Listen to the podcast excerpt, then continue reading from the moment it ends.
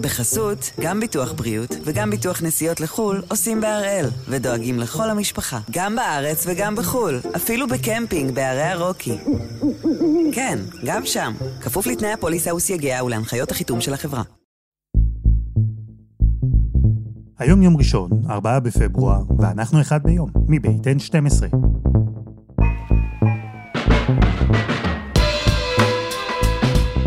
אני אלעד שמחיוף, ואנחנו כאן כדי להבין טוב יותר מה קורה סביבנו, סיפור אחד ביום, בכל יום.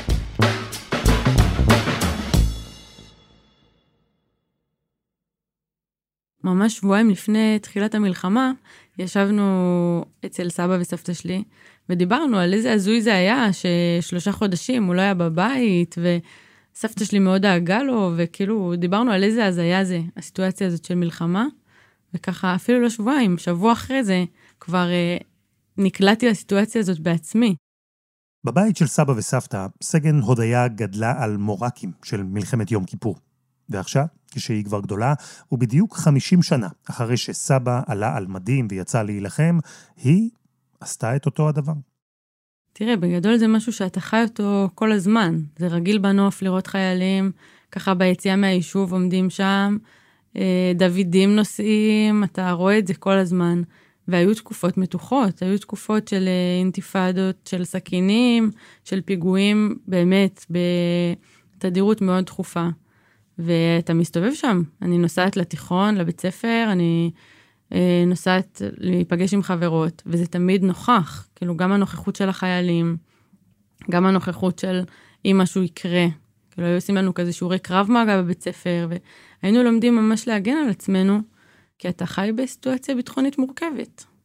כל החיים צבא ככה עטף אותנו ושמר עלינו, וגם כשהיו סיטואציות ביטחוניות קצת מורכבות, הרגשתי מאוד בטוחה. החיילים ששמרו עליה, כשהייתה ילדה בגוש עציון, עשו עבור הודיה, מתברר, יותר מרק לשמור.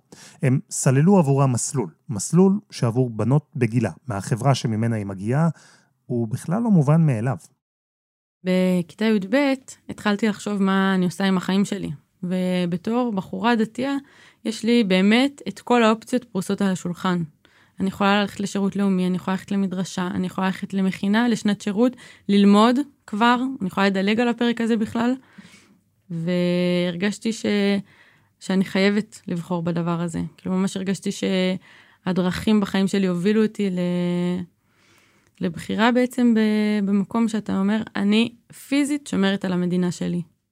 תגידי, איך היו התגובות? כי אני אה, מניח שהיו מי שניסו לכל הפחות לשאול אה, למה את מתגייסת, בטח למה את רוצה להתגייס דווקא לקרבי. האמת שלא כל כך שאלתי אף אחד, ככה תמיד אומרים לי איך ההורים הגיבו, אז יחסית הודעתי להם את זה. אבא שלי בהתחלה אמר לי, אבל את נורא חכמה, למה שלא תלכי למודיעין? אז אמרתי לו, אל תדאג, בחוכמה יש לי כל החיים לעשות, לשמור על המדינה זה עכשיו. אה, והוא קיבל את זה, ומשם התגובות היו מאוד חמות ותומכות. יכול להיות שלא נתתי לתגובות אחרות פשוט להיכנס, כאילו סיננתי אותם, אבל uh, זה מה שאני הרגשתי לפחות. אז אחרי שנת שירות, הודיה התגייסה לצה"ל, לאותו חיל שסבא שלה שירת בו, ההוא מהמורקים של יום כיפור. ראיתי שבתותחנים יש בנות במערכים המיוחדים, ביחידות המיוחדות. התגייסתי, עשיתי את הגיבוש, אה, גיבוש שהוא גם פיזי, גם מנטלי. גם uh, כל מיני מבחנים, והגעתי ליחידה, עשיתי טירונות ארבעה חודשים, טירונות סופר קשוחה. אני רציתי לבוא ולהתקדם ולעשות עוד מסע ועוד אתגר ועוד uh, זחילות או כל דבר כזה או אחר, באמת כדי להתקדם, כדי להוכיח לעצמי שאני מסוגלת לעשות יותר אפילו. מאז, הודיה כבר הספיקה לצאת לקורס קצינים, והיום מפקדת על 15 לוחמים ולוחמות בגדוד הרקטי של צה"ל. שעות אחרי שפרצה המלחמה. היא כבר נסעה לדרום, להילחם, למלא את מה שהוא בעצם תפקיד כפול, לתקוף ולהגן. לתקוף מטרות בעזה, ובמקביל לספק חיפוי והגנה לכוחות הרגליים בשטח. כוחות שביניהם נמצא גם בעלה. בסוף אנחנו הגב של הלוחמים בשטח, ו... מאוד הרגשתי את זה, שיש לנו תחושת משמעות, שאנחנו שומרים עליהם, ואני חושבת שאם הייתי בבית ובעלי היה בעזה, הייתי מתחרפנת. ובגלל שנושא השיחה בינינו היה נשים לוחמות במלחמה הנוכחית בעזה, אז שאלתי, וניסיתי להבין אם הודיה מרגישה עד עכשיו הבדל. היא מפקדת הרי גם הלוחמות וגם הלוחמים. אבל וואלה, אם לא אני הנודניק שמעלה את זה כל פעם, עושה רושם שעבורה זה ממש לא אישיו. אני חושבת שבמלחמה אין לך הרבה זמן להתעסק בזה. אתה בעיקר עסוק בלבצע את המשימה שלך, ובלראות שהכל עובד כמו שצריך, ושאתה מגן על עצמך כמו שצריך, ושהחיילים שלך אוכלים וישנים ומצליחים לתפקד. ההבדלים שאני חוויתי הם הבדלים יחסית קטנים, כמו הבדלי היגיינה נגיד, אבל אני חושבת שמעבר לזה חווינו את הכל ביחד, ואני חושבת שבסוף, מנטלית, אנחנו אפילו חזקות יותר מגברים הרבה פעמים, והצלחנו מאוד לנהל את זה, כאילו אנחנו מאוד ביחד בתוך הדבר הזה. כאילו אנחנו חיים את זה ביחד, אנחנו ישנים ביחד, קמים לזה ביחד, הכל uh, ביחד. ובאמת, חוץ מניואנסים מאוד קטנים, לא הרגשתי שהיה איזשהו הבדל משמעותי. בשטח אנחנו מוכיחות שאנחנו מנצחות ושאנחנו עושות את העבודה שלנו כמו שצריך. ואין עם זה ויכוח, כאילו זה עובדות. ואני חושבת שהרבה אנשים בעקבות המלחמה גם מתחילים לחשוב על זה שוב, כי רואים בשטח את הדברים קורים. אז זהו, שמאז שפרצה המלחמה, יותר ויותר אנשים, בטח כאלה שהיו בשטח, אומרים בדיוק את מה שאומרת הודיה, שאין הבדל, שהלוחמות מוכיחות את עצמן, עושות דברים מדהימים, ושהוויכוח הארוך שמתנהל על שירות נשים ביחידות מובחרות, ויכוח שמתנהל כבר עשורים, הוכרע.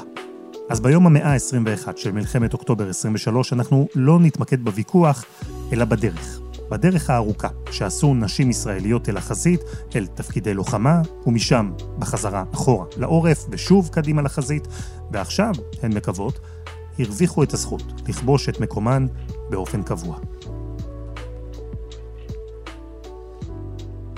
בגדול אה, מלחמה ולחימה היה משהו שגברים עשו אותו בעיקר לאורך ההיסטוריה, אבל אנחנו יודעים לזהות אה, כל מיני אה, יוצאות דופן וחריגות בתקופות קדומות יותר מאשר התקופה המודרנית שאנחנו חיים בה היום. אז כן, דוקטור ענת שטרן מהמחלקה להיסטוריה באוניברסיטה הפתוחה וחברה בפורום דבורה, מדגישה כאן דבר חשוב. לאורך ההיסטוריה, מלחמות היו עסק של גברים. גברים ניהלו אותן, גברים נלחמו בהן. נשים, אם ישנן, היו אנקדוטה.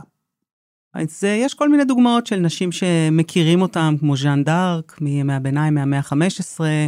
יש לוחמת שקראו לה בודיקה, אה, לוחמת שנלחמה ברומאים בבריטניה בשנת 60 לספירה. אה, יש כל מיני דוגמאות לנשים שלבשו בגדי צבא, בין אם הן היו מנהיגות או מצביעות. אצלנו בהיסטוריה היהודית יש לנו את דבורה ויעל, אבל אלו נשים יוצאות דופן, נשים חריגות. הרבה זמן חלוקת התפקידים הזו החזיקה מעמד, מאות או אלפי שנים, תלוי מתי אתם מתחילים לספור. ובראייה היסטורית, נשים לוחמות בהיקף רחב, ככוח משמעותי, זה עניין מאוד טרי, מאוד חדש, עניין שהתחיל בעצם לפני קצת פחות ממאה שנה. זה משהו שמתחיל בעצם במלחמת העולם השנייה, בצבא הסובייטי, בצבא האדום, בתפקידים שונים, כטייסות, כטנקיסטיות, כצלפיות, בהיקפים אה, מאוד גדולים של ממש אלפי, אלפי נשים. ככה יש לנו מה שנקרא גיבורות ברית המועצות, שאלה, אה, זה העיטור הכי גבוה שברית המועצות נותנת, יש 23 נשים שמקבלות את העיטור הזה, אה, חלקן צלפיות, חלקן טנקיסטיות, היו שלושה רגימנטים של אה, טייסות אה, הפצצה, רגימנט זה כמה טייסות, שחלק מהטייסות היו בפיקוד של נשים, והם, כן, קראו להם מכשפות הלילה. הן היו באות בשקט, מכבות את המנוע, מפציצות את הכוחות הגרמנים. ואחר כך מניעות מחדש ומתרחקות, ובעצם הכינוי הזה, שהוא, הגרמנים קראו להם ככה בכינוי גנאי, אה, הפך להיות כינוי שהן אה, מתגאות בו. תסבירי לי אבל למה זה קרה דווקא בתקופה הזו, מלחמת העולם השנייה, ודווקא אה, בצבא האדום? הרעיון של נשים בתפקידי לחימה בהיקף רחב, כפי שהוא נהיה בצבא האדום, הוא תוצר של שתי סיבות או שתי, שני גורמים. הראשון הוא באמת הצורך, בגלל שמלחמת העולם השנייה בהיקפים שלה דרשה המון כוח אדם. אבל גם בגלל האידיאולוגיה הסוציאליסטית, שהיא שוויונית במהות שלה, ומסתכלים על אה, נשים כמו על גברים. זאת אומרת, כל אחד יכול לעבוד, כל אחד צריך, לפי האידיאולוגיה הסוציאליסטית, לעבוד לפי יכולתו ולקבל לפי צרכיו. ואותו דבר גם בלחימה. אם עכשיו אנחנו צריכים אה, עוד אה, לוחמים, אז זה יכול להיות גם לוחמות באותה מידה. צורך ואידיאולוגיה. זה מה שהוביל את הצבא הסובייטי לשתף נשים במלחמה. וזה מה שהוביל גם את המחתרות בארץ ישראל לעשות את אותו הדבר. עוד לפני המלחמה ההיא, מלחמת העולם השנייה, וגם אחריה. הרבה מה... כן, שהגיעו לארץ ישראל בתחילת המאה, נשאו עימם את הרעיונות הסוציאליסטיים שקשורים בשוויון, והציונות מעיקרה הייתה אה, שוויונית. הרצל אה, קרא לשילוב של נשים בתנועה הציונית, היו צירות בקונגרסים היהודיים, לנשים יש אה, זכות בחירה במערכות הפוליטיות של היישוב היהודי, זכות בחירה שווה, דבר שהוא לא מובן מאליו. האנשים יש להם איזשהו אה, מעמד שהוא נוטה לעבר השוויוני, אני לא אגיד שהוא 100 אחוז, יש הרבה מחקר על זה שזה לא 100 אחוז, אבל הרעיון של לשאת נשק הוא חלק מהרעיון הציוני. להגיד לך שזה היה פשוט? זה לא היה פשוט. והרבה פעמים כשנוצר צורך, אז נשים מצליחות, בגלל המאבק שלהן להשתתף, הן מצליחות לקבל את האמצעים ו- ולקחת חלק. זהו, שאנחנו צריכים להיזהר לא לצייר כאן איזו תמונה אידיאלית כזו של שוויון, העצמה נשית, פמיניזם. צורך ואידיאולוגיה הם טובים עד גבול מסוים, אבל אחריו, כבר מהרגע הראשון, נשים היו צריכות להשתמש בלא מעט מרפקים כדי להפוך ללוחמות. אז ככה קורה גם בארגון השומר, שבהתחלה נשים לא הורשו לשמור, ומצאו את הדרך שלהן אה, להיכנס לתוך העניין הזה של השמירה.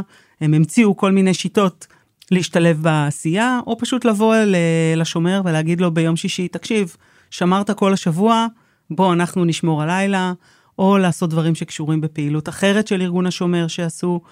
זה עדיין היה עם מאבק. ואותו דבר גם בארגון ההגנה, הוקם ב-1920, נשים היו חברות בארגון ההגנה מההתחלה, חברות שוות, אבל הרעיון של להשתלב בתפקידים בא להם אה, לא בקלות. הסלילו אותן בעיקר לתפקידים האלה של תומכות הלחימה, אה, קשר, רפואה, אה, תצפיתניות, עטטות, כן, היו עושים איתות, תפקידים כאלה, אבל כן, הם השתלבו, הם השתלבו בתוך הארגונים. גם בארגונים במחתרות האחרות היו נשים שלקחו חלק בתפקידי לחימה, אבל תראה, גם צריך לחשוב מהי הלחימה שמתבצעת בשנים האלה. זה לוחמה זהירה, זה הרבה פעמים תפקידים של שמירה. ובכל מקום נשים נאלצו להיאבק. למשל, יש uh, סיפור נורא יפה על uh, חברת הגנה שקוראים לה ניוטה הלפרין, שאחרי uh, מאורעות תרפ"ט ב-1929, רצתה להצטרף לארגון ההגנה, אז היא הלכה וככה גיששה, מצאה, שאלה איך, uh, עשו לה ראיון קבלה, ואז שאלו אותה בראיון, את יודעת לבשל? את יודעת לכבס? היא אמרה, מה זה קשור? למה אני צריכה לדעת איך uh, מבשלים? מה, מה הקשר בין זה וזה? כי רצו להסליל אותה. אמרו לה, לא התקבלת. ואז היא בעצמה יזמה איזושהי הקמה, היא הקימה מחסן של נשק בחצר של הבית של ההורים שלה בתל אביב, ואז אמרו, אה, טוב, אולי בכל זאת אנחנו ניקח אותה. והיא הפכה להיות חברה בהגנה, היא קיבלה תפקידים, היא הפכה, אחר כך היא עברה קורסים בפיקוד, ולמעשה ניוטה הלפרין היא המג"דית הראשונה, היא מפקדת גדוד החברות אה, של ארגון ההגנה בתל אביב, שבשיאו מנה אלף נשים, והיא הייתה המפקדת שלהם. מדינת ישראל הוקמה על אתוס של נשים לוחמות. הציונות היא תנועה שוויונית. הרבה מהדבר הזה מבוסס על הפלמ"ח ועל הלוחמות של הפלמ"ח. בארגון הפלמ"ח, שהוקם ב-1941, קיבלו נשים מההתחלה. והרעיון שם היה ממש של שוויון מוחלט. הפלמ"ח בהחלט אה, מהרגעים הראשונים אמר אנחנו נעשה שוויון, והאימונים לגברים ולנשים היו ביחד. אה, ולכן אנשים שיכלו לעמוד ב... הדרישות הפיזיות הקשות, הג'דאיות, כמו שהיו קוראים לזה אז, הם נכנסו לתוך ארגון ההגנה והתאמנו יחד עם גברים. ב-1943 הבינו שהשיטה הזאת נתקלת קצת בקשיים, כי המספרים של הנשים שעומדות בזה הוא קטן. אז עשו שיח, דיברו, החליטו מה עושים, ואמרו, אוקיי, אנחנו נפריד את האימונים, נעשה מה שהיום אנחנו קוראים אה, גרף או סקאלה של אה, עומסים, אבל הם יילחמו ביחד. זאת אומרת, הם יתאמנו בנפרד והם יילחמו ביחד. וזה גורם לכך שמספר הנשים בארגון הפלמ"ח עולה. וכתוצאה מזה הופך להיות 40 אחוז מהחברים הם חברות.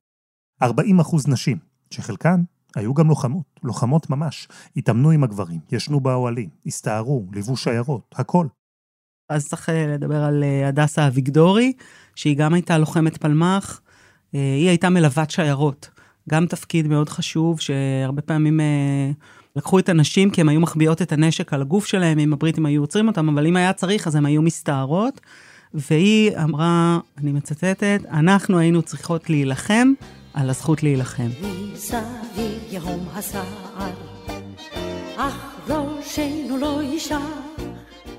חסות אחת, וממש מיד חוזרים.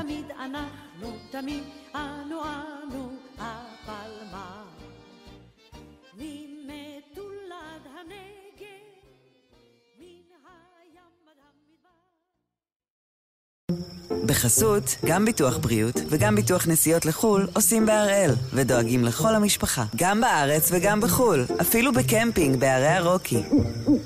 כן, גם שם, כפוף לתנאי הפוליסה וסייגיה ולהנחיות החיתום של החברה. אנחנו עם הסיפור של הלוחמות הישראליות, נשים שנלחמו כדי להילחם, וניצחו. אבל הלוחמות הישראליות של קום המדינה נאלצו די מהר שוב לחזור אחורה, שוב לסגת מהחזית.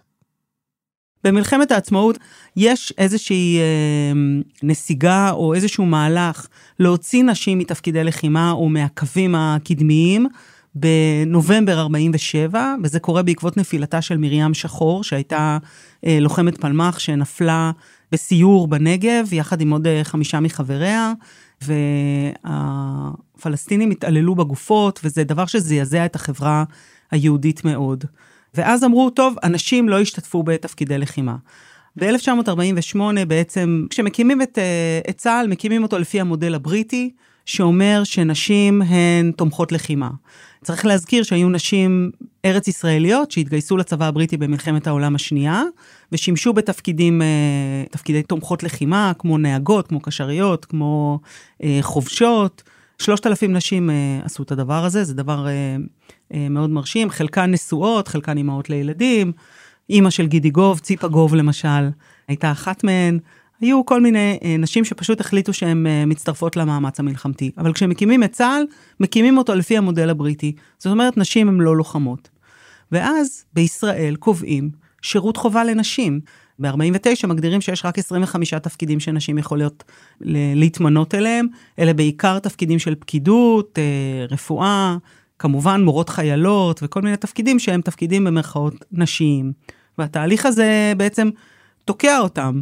עכשיו יש עוד בשנות החמישים עוד כמה נשים שהן חריגות ומצליחות לקחת חלק בתפקידי לחימה. יעל רום הייתה בכוח שהטיס בעצם את הצניחה מהמיתלה, אז אה, היא הייתה במבנה שהצניח את הצנחנים בצניחה הקרבית הראשונה והיחידה אי פעם של צה"ל.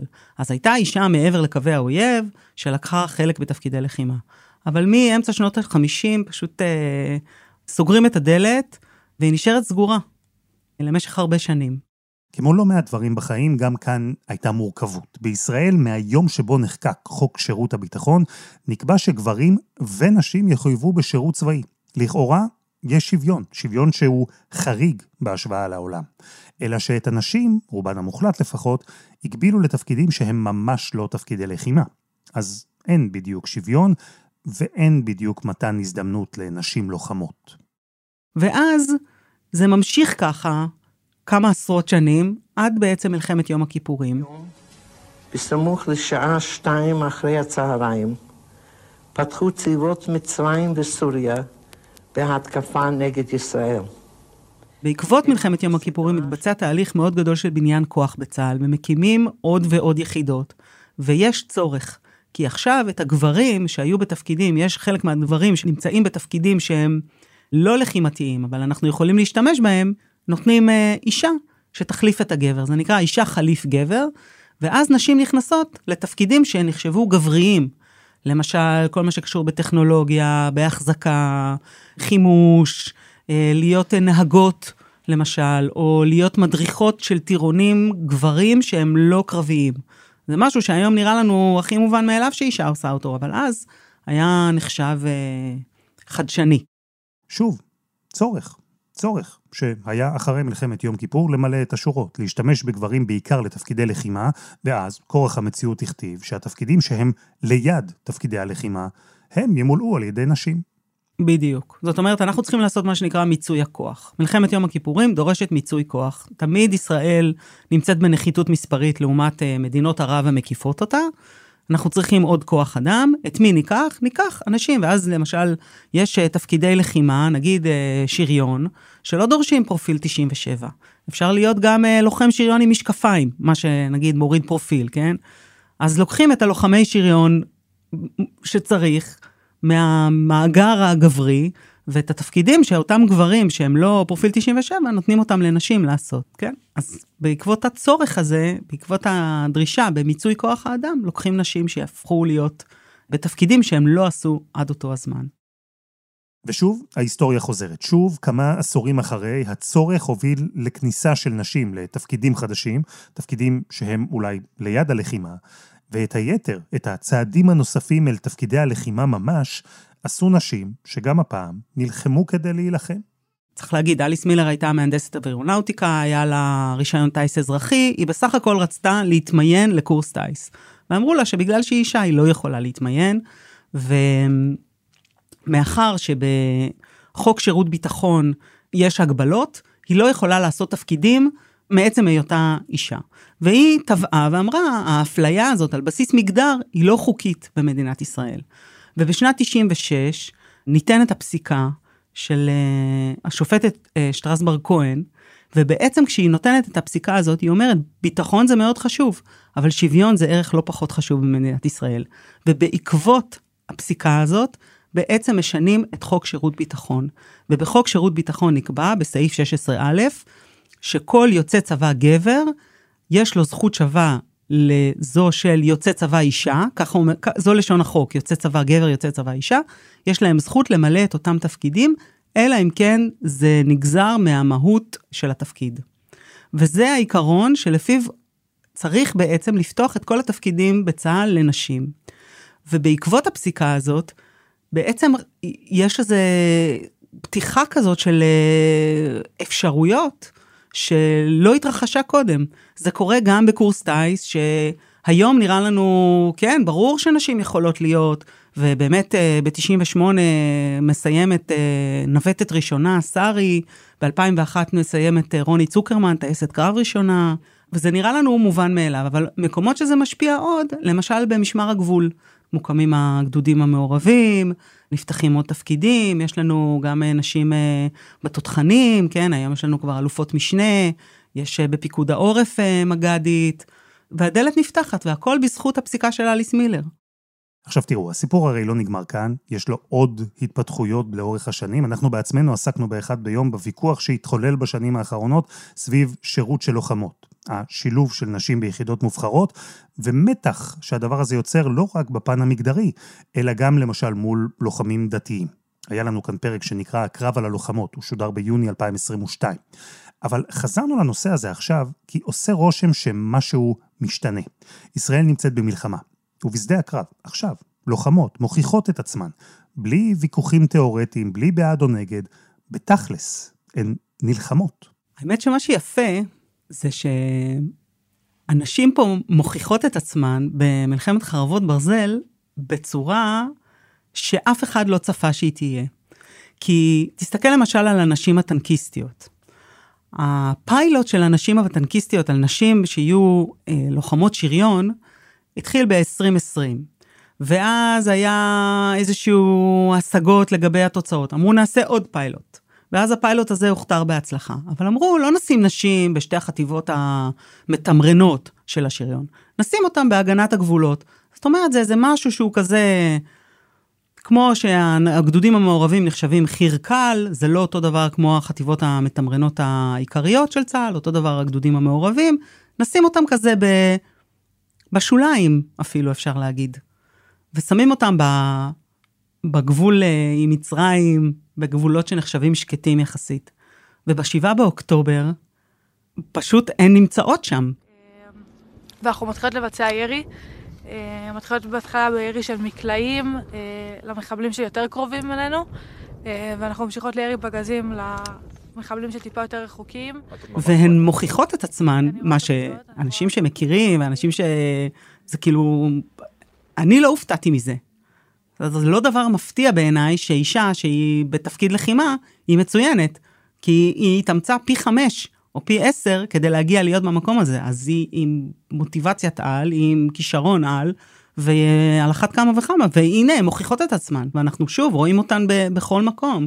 גם אם זה שאלות, היו שאלות, איך שמים נשים שיהיו יחד עם גברים. אנחנו רואים את הפרמדיקיות שנמצאות בתוך uh, רקם, נוסעות בתוך uh, עזה, והן נוסעות בכלי שיש בו עוד גברים. מה שאנחנו קוראים לו הפוך. רגע, פה את חיה? שלושה חודשים? פה אני חיה. מתי זה עבר הרבה פצועים שהיו פה, יצא לי לטפל, זאת אומרת לשבת פה והציוד לידך, והפצוע נמצא פה. זה שאנחנו תחת אש צריך לסגור את הטנק בעצם, וגם להשיב באש, אז צריך לסגור את הרשת מפה, לסגור את הדלת מפה, לצמק את הפצוע פה ובעצם לטפל. וזהו, עובר פה ימים, לילות. מסתדרים, מסתדרים עם הכל. כשיש רצון, כשיש מוטיבציה, אז אפשר להסתדר. בכל ההיבטים, בכל המובנים. והשאלה הגדולה שעולה עכשיו היא, אם כל זה ישנה משהו. עם המעורבות של לוחמות, כמו סגן הודיה, כמו לוחמות אחרות שנמצאות בתוך עזה, בשטחים, בצפון, בכל מקום אחר. עם העובדה שהן הוכיחו את עצמן בשדה הקרב, תקבע סטנדרט חדש אחרי עשורים של תזוזות קדימה ואחורה. בעיניי זאת לא שאלה בכלל, ברור שצריך להיות שכל, שיהיה 100% מהתפקידים פתוחים. לפי היכולת, לפי היכולת האישית. תראו, לא כל גבר הולך להיות בסיירת מטכ"ל, או בקורס טיס, או בקורס חובלים, או לוחם חי"ר בצנחנים או בגולני וכולי. וככה גם כל אישה, אבל אם אנחנו נעבוד לפי העיקרון של שוויון, של האדם הנכון במקום הנכון, אז צה"ל יהפוך להיות טוב יותר. אני מאמינה שלשם זה ילך. אני בעיניי, האנשים אה, ש, שנלחמות היום, שהן פשוט נפלאות, והן אה, אה, אוהבות העם והארץ, לא פחות מהגברים שלידן, הן פשוט מודל לחיקוי. אין סיבה שלא יהיו לנו עוד כאלה.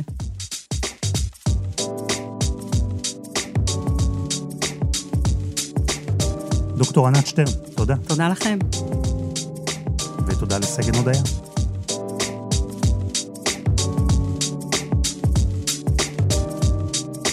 וזה היה אחד ביום של N12, אנחנו מחכים לכם בקבוצה שלנו בפייסבוק, חפשו אחד ביום, הפודקאסט היום. העורך שלנו רום אטיק, תחקיר והפקה שירה הראל, דני נודלמן ועדי חצרוני, על הסאונד ספיר רוזנבלט, יאיר בשן יצר את מוזיקת הפתיחה שלנו, אני אלעד שמחיוף, אנחנו נהיה כאן גם מחר.